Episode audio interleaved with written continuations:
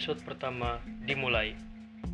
Selamat pagi, siang, sore, malam semuanya di belahan bumi mana pun. Selamat datang di podcast pertama saya.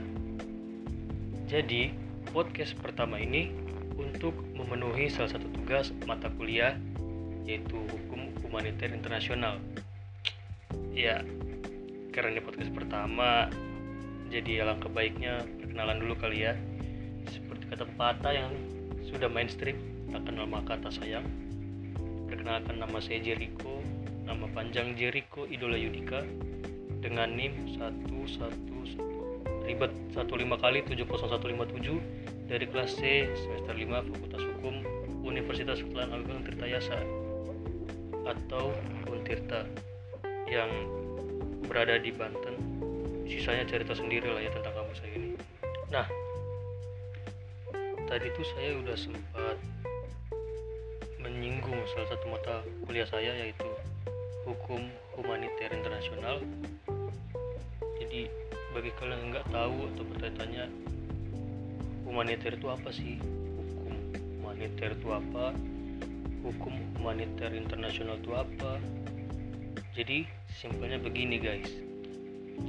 Pengertian dari international humanitarian law atau hukum humaniter humaniter internasional atau humanitarian law juga bisa itu arti simpelnya adalah seperangkat aturan yang karena alasan kemanusiaan dibuat untuk membatasi akibat-akibat dari pertikaian senjata atau istilah umumnya perang. Jadi merupakan aturan. Yang karena alasan kemanusiaan itu untuk membatasi Eh, terjadi terjadinya hal-hal dalam perangan sepertinya contohnya dalam membatasi cara-cara atau metode berperang dan di humaniter ini sendiri juga diatur tentang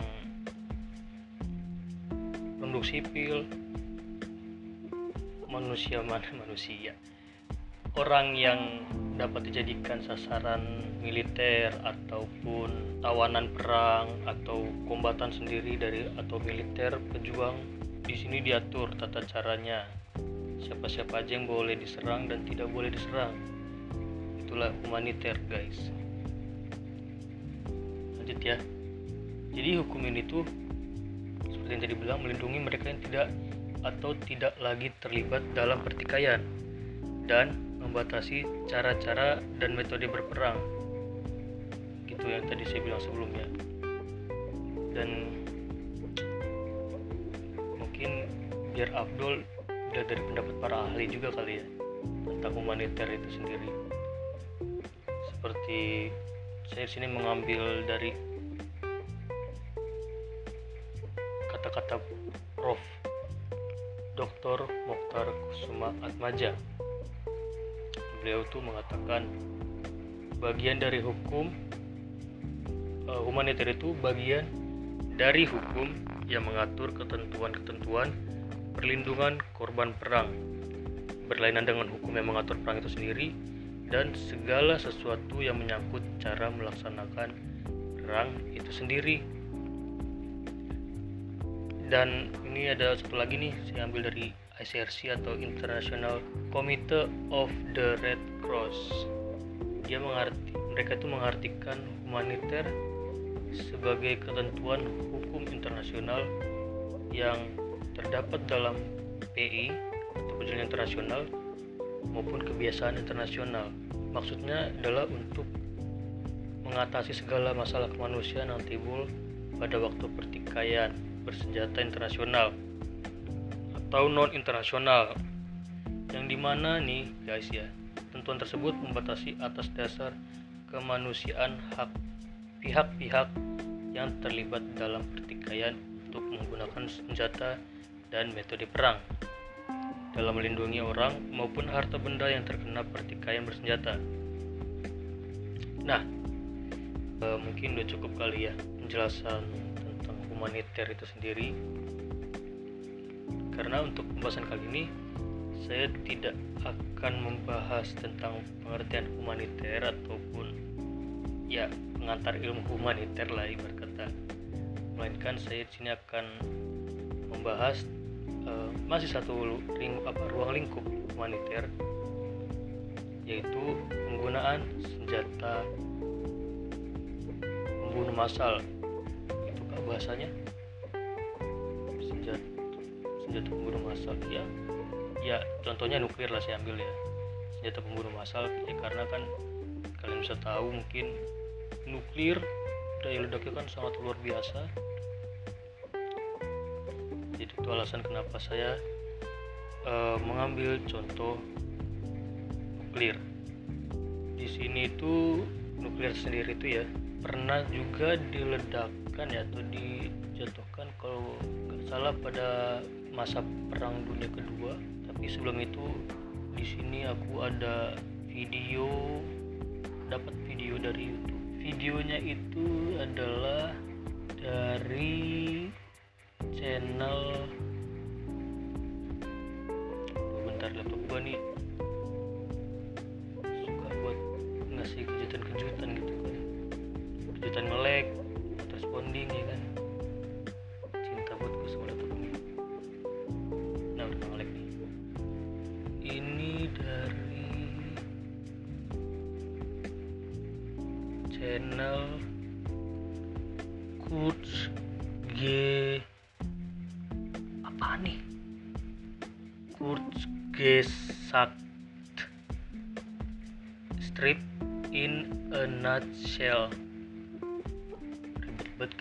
Potter ya. ya pokoknya subscribernya 9,95 juta lah. Nanti kalian cari ya atau gue kasih judulnya aja nih. Judulnya adalah What if we nuke a city? Nah itu. Langsung keluar nanti. What if we nuke a city? Nah itu. Cari aja nanti di YouTube. Jadi dalam video ini itu isinya ya isi video ini tuh membahas tentang impact dari nuklir itu sendiri gitu. Jadi saat nuklir jatuh tuh nah dalam video ini tuh dijelasin gitu apa sih impact dampaknya gitu. Dan um, yang membuat video ini ini gua nggak tahu kurs gesat ini apa nih belum gua cross check ini kelembagaan kah atau apakah? Pokoknya mereka membagi atas tiga fase. Jadi setelah nuklir meledak itu mereka membagi atas tiga fase. Jadi yang fase pertamanya itu adalah fase pertamanya itu ya dalam hitungan milidetik saat nuklir itu jatuh dijatuhkan atau mendarat atau meledak itu muncul bola plasma yang panasnya melebihi matahari. Bola plasma yang panasnya melebihi matahari. Imagine that guys. Matahari aja udah bikin panas. Apalagi kalau ada diskon. Dan membesar hingga menjadi bola api. Yang lebarnya setidaknya mencapai 2 km bola plasma lebar 2 km melebihi panas matahari. Gua gak ngerti lagi gimana di dalam bola ini siapa pun yang di dalamnya hilang begitu aja. Udah hilang gitu aja guys hilang. Lu main petak umpet nggak bakal ketahuan guys. Lu menang udah guys.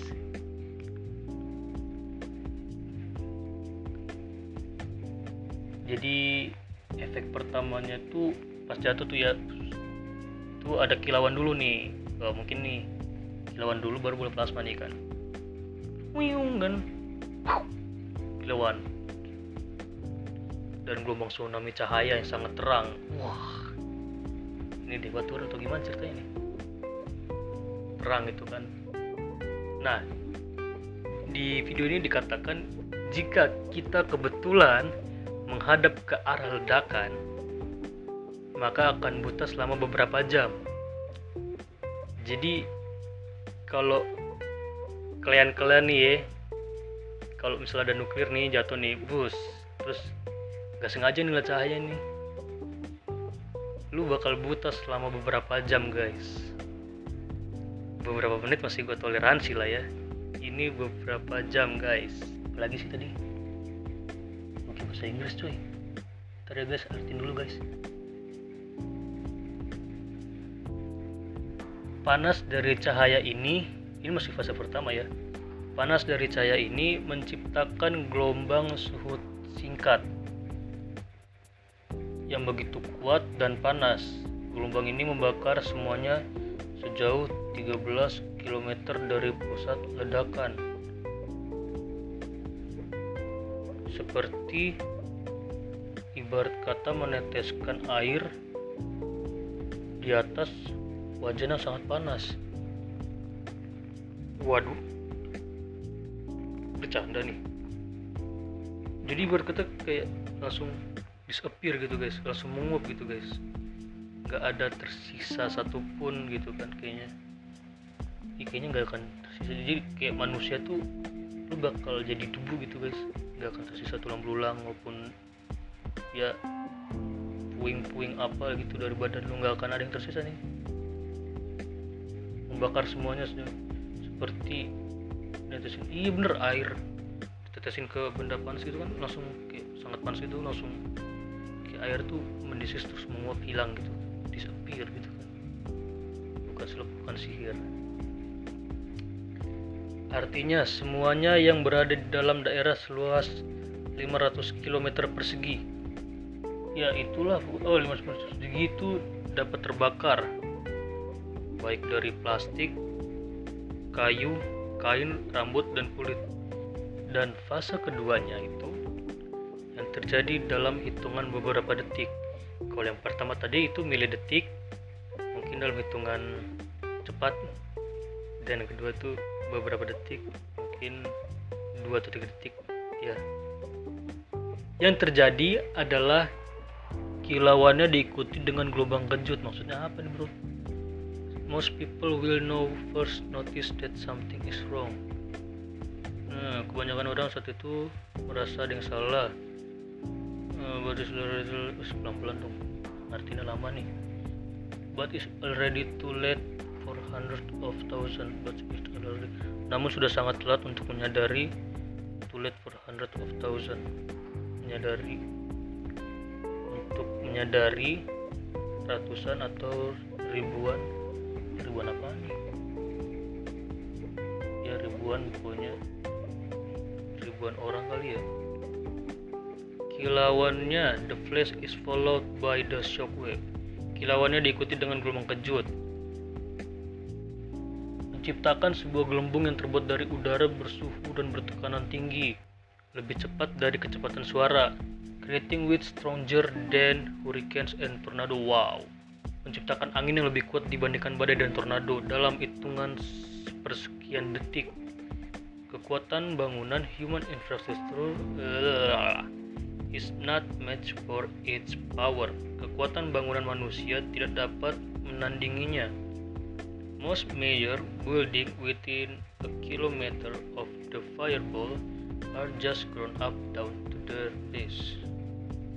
Most major, kebanyakan semua gedung within a kilometer fireball yang berada dalam jangkauan satu kilometer dari ledakan ground up down to their base. Akan rata sampai pondasinya. Dulu kayak panjang nih langsung gua skip aja lah. Oh ini apa nih? If you are outside oh ini kayaknya masih tadi you get tossed away like a grain of dust. In tornado in a tornado jika kamu di luar you get a tossed kamu akan terlempar away like a grain. Grain itu debu maksudnya butiran debu. Ya kayaknya sih. Layaknya butiran debu. Of dust oh ya benar butiran debu. In a tornado saat tornado. Oh kalau pas lagi tornado kalau kita lagi di luar kita akan terhantam layaknya butiran debu gitu. Saat lagi angin kencang tadi tuh yang kayak tornado tuh yang lebih kekuatan tornado tuh. Fase ketiga langsung aja kali ya. Karena kayak panjang banget. Capek juga ini mikir bahasa Inggris ya kan. The third phase begins in the coming hours and days. Fase ketiga dimulai dalam beberapa jam and days dan beberapa hari. We are used to the idea that help will come no matter the disaster. Sorry sorry ya kawan-kawan, my English is so bad. This is time is different. A nuclear explosion is like every natural disaster at once. Kali ini berbeda. This is time is different. Ledakan nuklir seperti setiap bencana alam sekaligus. Oke, kayaknya skip aja kali ya yang penting-penting aja nih. Mana ya? Oh ini nih.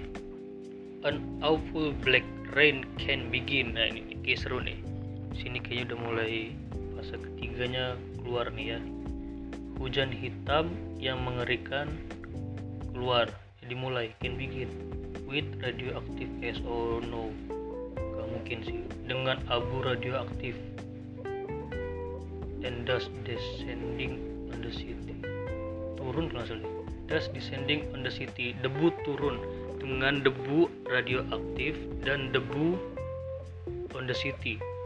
Debu turun di di kota-kota covering everything and everyone menutupi se everything semuanya and everyone dan semua orang.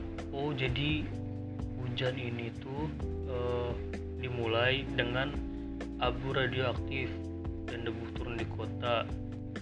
Jadi mulai ada efek radiasi nih guys. Di fase ketiga ini gitu. Oke kita skip aja. Karena penggunaan kataku masih sedikit sekali. Jadi bisa ku translatein akan ku kasih tahu artinya. Jadi dari radioaktif itu yang survive kemungkinan besar akan mendapatkan kanker seperti leukemia.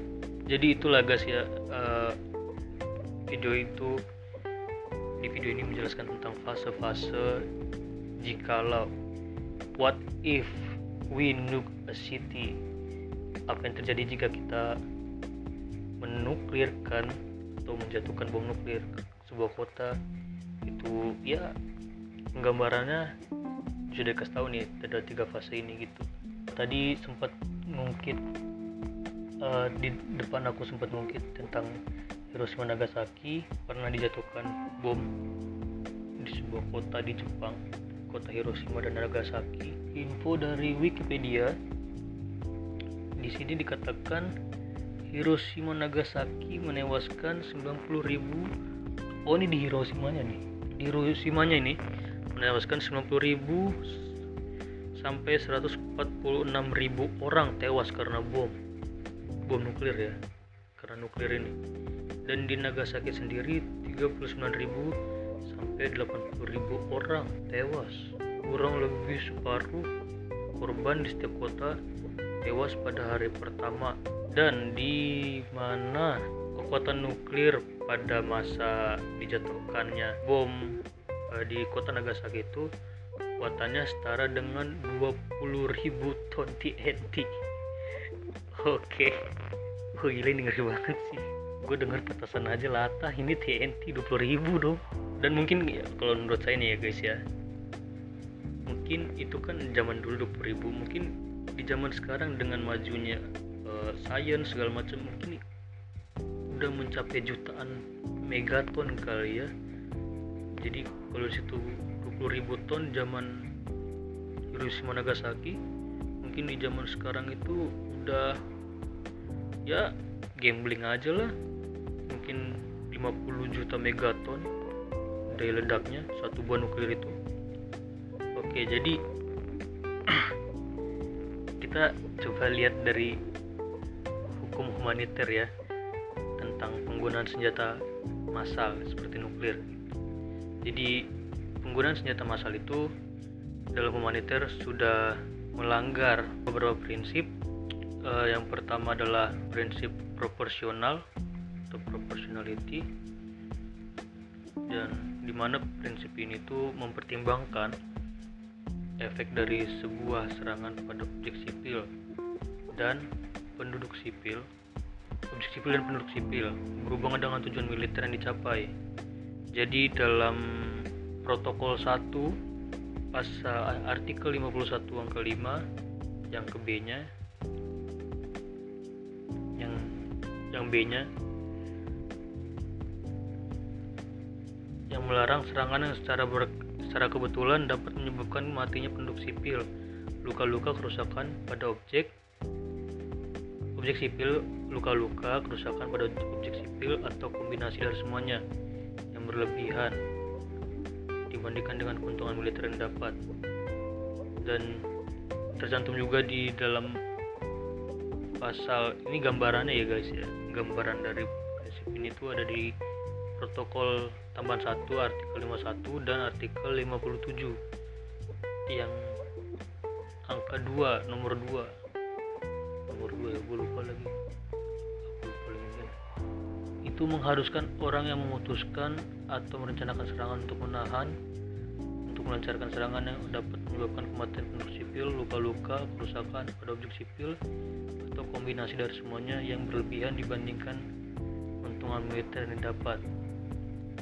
Oke, jadi uh, simpelnya adalah prinsip proporsionalitas itu.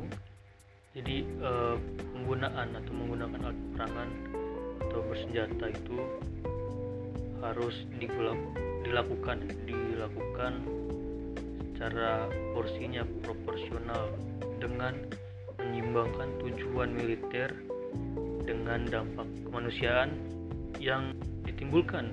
Yang kedua itu adalah melanggar prinsip pembeda karena dalam prinsip ini itu mengatakan semua pihak yang terlibat dalam sengketa bersenjata harus membedakan antara peserta tempur atau kombatan dengan orang sipil.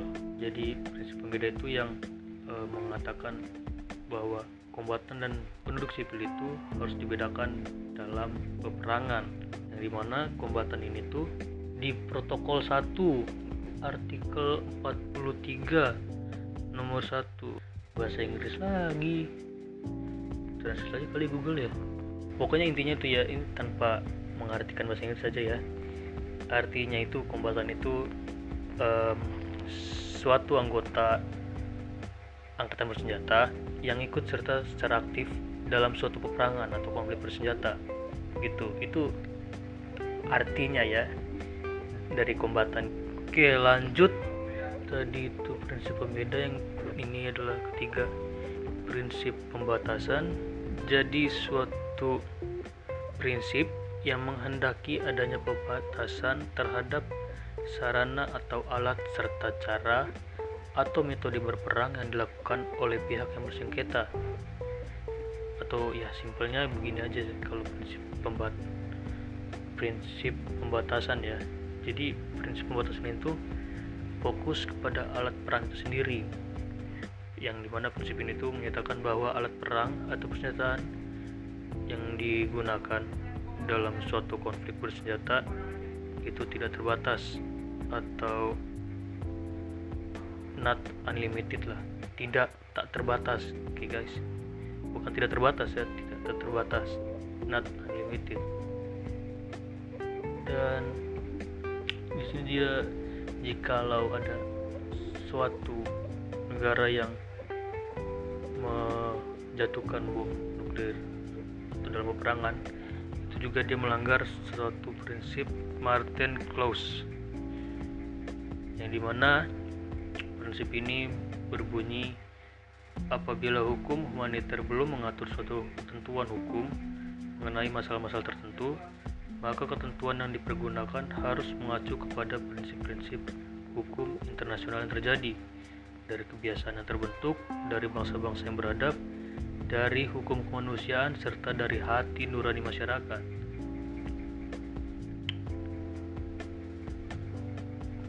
Oke, ini kayaknya aku bacain aja ya soal dari blog nih.